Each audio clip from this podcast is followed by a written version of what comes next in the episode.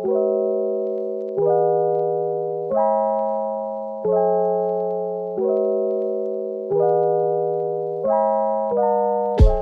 listener, selamat datang di Mind Talks ID bareng gua Zizi Asi host. Mind Talks ID hadir sebagai ruang berekspresi, berbicara, dan berbagi. We talks about life, from viral news to untold story. Mind Talks ID bisa kamu dengerin di berbagai platform, seperti Anchor.fm, Spotify, Apple Podcast, dan juga Google Podcast. Kalian bisa klik follow biar dapat notifikasi once I publish a new edition. Personally, gue kadang berimajinasi tentang a true love. Punya pasangan yang serasa your best friend, semuanya terbuka, dan lo bebas berekspresi. Punya komitmen yang kuat buat bertahan in any reasonable condition. Kenapa gue bilang reasonable? Karena we need to perceive when the relationship need to be ended atau when we have to stay. Saat gue posting di Instagram story that I launch my podcast, one of my friend pas kuliah dulu, he bang me on direct message and briefly said kalau dia ingin cerita di Talks ID. Mungkin cerita ini sangat berkesan di kehidupan dia, so we gonna listen to it. He's a proud husband. Dia ingin membagikan rasa bangganya ke semua listener. And here you go. The stage is yours.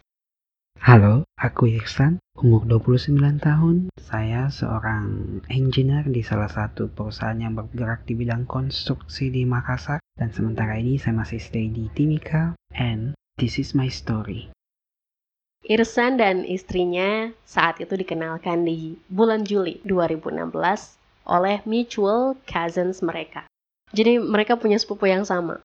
Uh, dia kasih pin BBM-nya Ningsi ke saya terus dia bilang e, mau kenalkan sepupunya itu yang lagi sementara di Australia dengan saya ya sudah dia kasih pin saya invite kemudian setelah itu kita tukaran sosial media dan mulai intens untuk saling berkabar pada awalnya agak kaku ya gimana sih namanya kalau orang kenalan awal yang belum tahu dia siapa kenalan yang sekedar tanya aktivitas kegiatannya apa ya sewajar begitulah saat lo mencoba saling dekat satu sama lain yang ada di niat lo apa sih? Apakah sudah ada getaran yang lo ngerasa that oh she's the one, gue mau serius sama dia?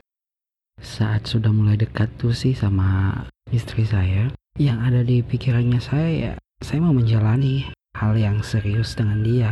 Itu bukan karena apa-apa sih, cuma ya I feel I'm comfortable dengan hubungannya ini walaupun itu dengan LDR ya. Tapi secara kedekatan walaupun itu via BBM telepon video call pada saat itu ya nyaman. Apa yang saya omongkan dia selalu ngerti. Apa yang saya lagi bahas dia juga paham begitupun sebaliknya jadi mungkin hal-hal seperti itu yang buat kita berpikir bahwa we will try untuk menjadi apa membangun hubungan itu lebih dari sekedar pacaran. Susah nggak sih ngebangun koneksi, rasa percaya, chemistry uh, dengan hubungan jarak jauh?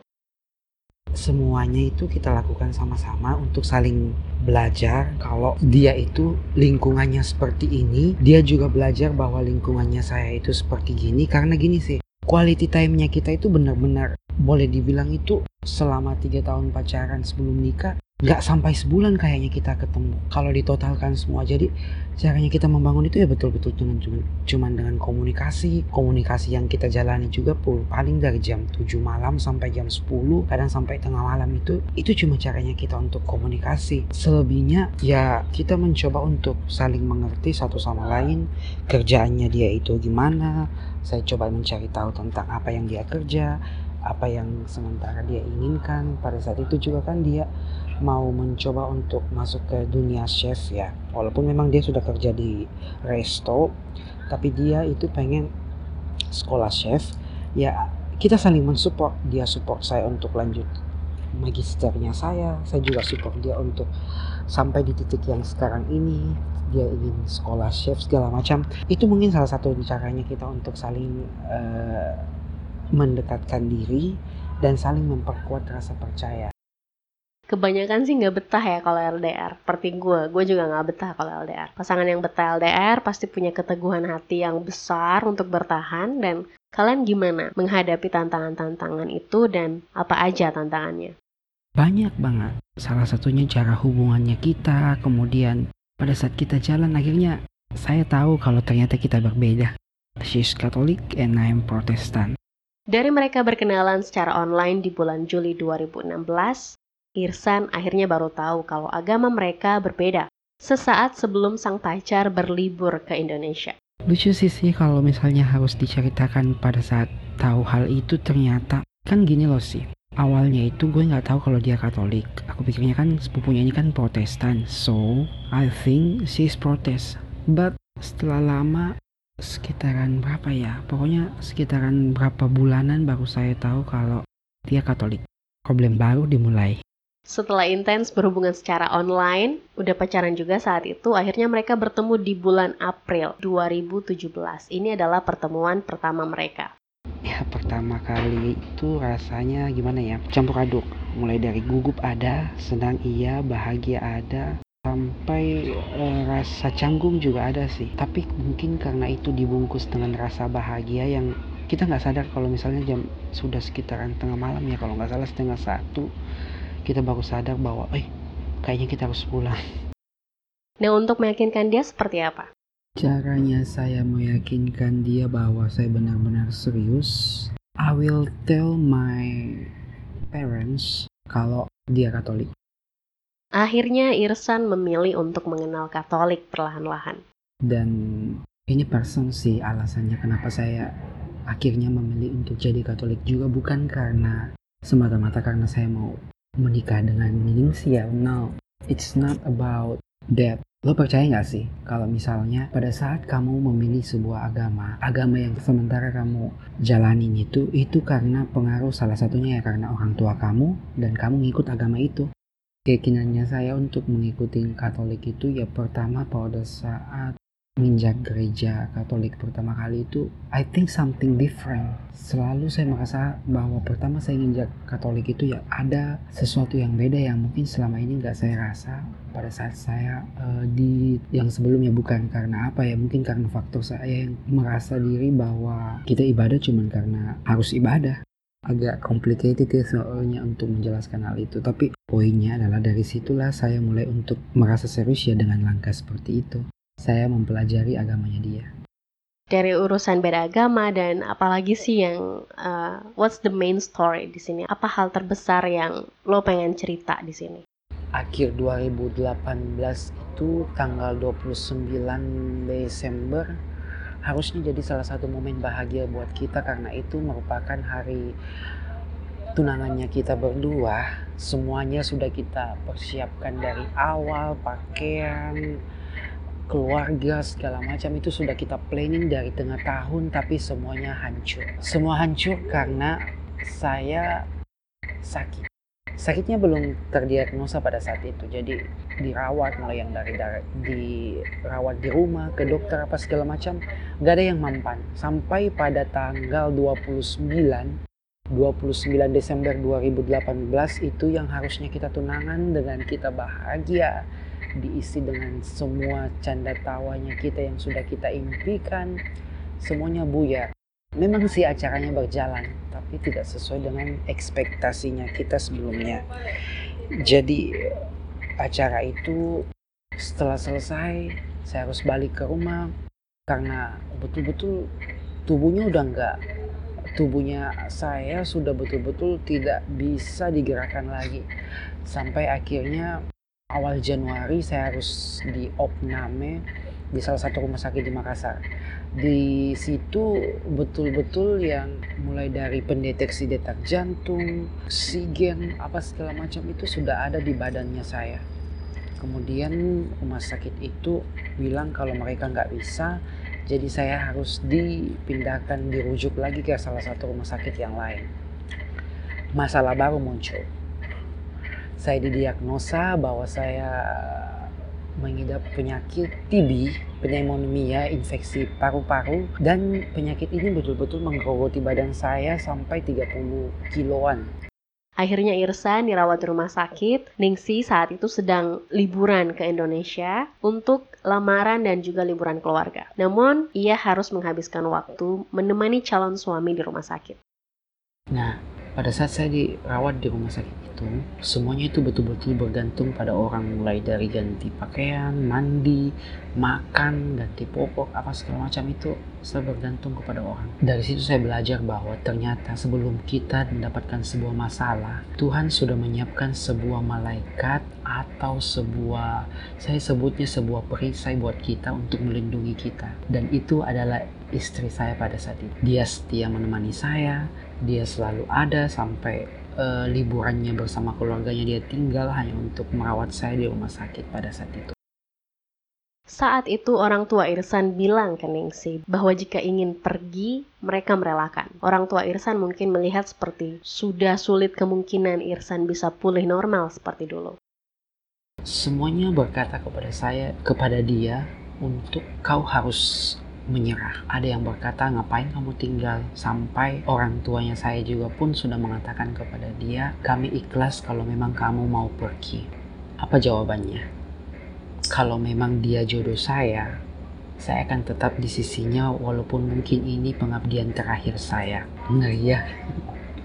Sumpah, teman-teman saya menjauhi saya. Beberapa keluarga yang saya harap harus ada di situ ternyata nggak bisa. Sahabat-sahabat saya ada yang membuat uh, entahlah apa namanya itu cerita bahwa saya mengidap penyakit A, B, C, C. Itu nggak membuat semangat saya berkurang. Saya bersyukur Tuhan memberikan saya support system yang betul-betul sudah dia sediakan sebelum saya mengalami masalah itu. Kurang lebih 3 4 minggu saya berada di rumah sakit setelah itu saya keluar, saya harus kembali lagi uh, ke rumah untuk rawat jalan. Saya harus mengkonsumsi obat paru itu selama enam bulan. Segala macam saya ikut lewati.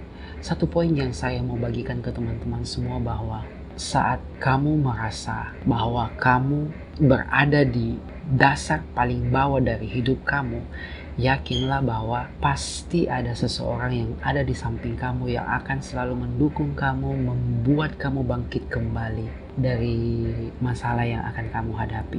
Setelah menjalani proses medik yang panjang, perawatan intensif, akhirnya Irsan bisa pulih di bulan Maret 2019.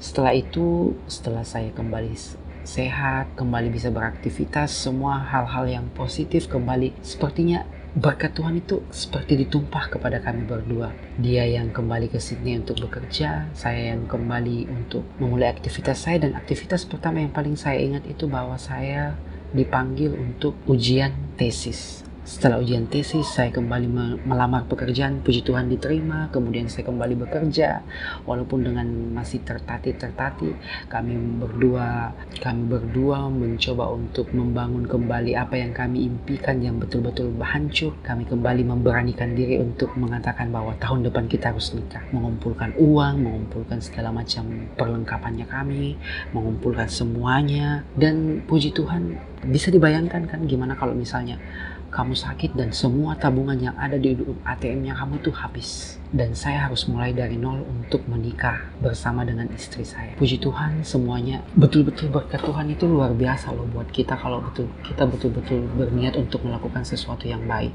Di tanggal 25 Desember 2019, Irsan resmi untuk pindah agama dan memeluk Katolik. Banyak cibiran dari keluarga dan kerabat saat itu. Kemudian sampai dekat pada hari H, banyak yang bertanya, kamu nikah Katolik ya? saya sempat biasa tertawa pada saat orang teman-teman saya meledek saya untuk hal seperti itu. Hey, kepercayaan itu hal pribadinya saya dengan Tuhan saya, dengan penciptanya saya ngapain saya pusing secara keluarga yang saya sudah menerima apa keputusan saya segala macamnya. Saya sudah persiapkan bersama istri saya. Ngapain lagi? Coba kita harus mendengarkan omongan orang lain. Bukannya saya egois ya tapi saya selalu berpikir bahwa saat kamu ingin memulai sesuatu yang baru, saat kamu ingin menciptakan dunia kamu sendiri, dan saat kamu ingin memiliki hal yang baru dalam hidup kamu, berhenti untuk bercermin apa yang orang katakan. Setelah kembali mencari nafkah dan sedikit demi sedikit mempersiapkan pernikahan, di Januari 2020 mereka melangsungkan pernikahan. Sampai sekarang kita masih sama-sama LDRan ya. Dia masih di Sydney dan saya masih bertugas di Papua. Masih banyak mimpi-mimpi yang mau kita wujudkan, tapi ya begitulah konsekuensi dari apa yang harus kita wujudkan. Pasti ada salah satu yang kita korbankan. Ya salah satunya yang korban adalah hubungan ini yang harus jarak jauh.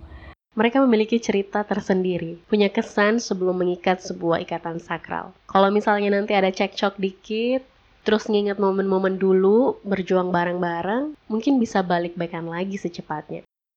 Saya ucapkan terima kasih banyak buat Sisi yang sudah mau menampung ceritanya saya dan terima kasih juga buat kalian semua yang mau mendengarkan. Semoga kalian bisa memetik uh, sebuah pelajaran dari kisah ini yang di terakhir saya sampaikan bahwa cinta bukan inti dari sebuah cinta itu bukan kebersamaan yang selalu bersama-sama, tapi saling mengerti di antara satu dengan yang lain. That's the point dan thank you. God bless you all.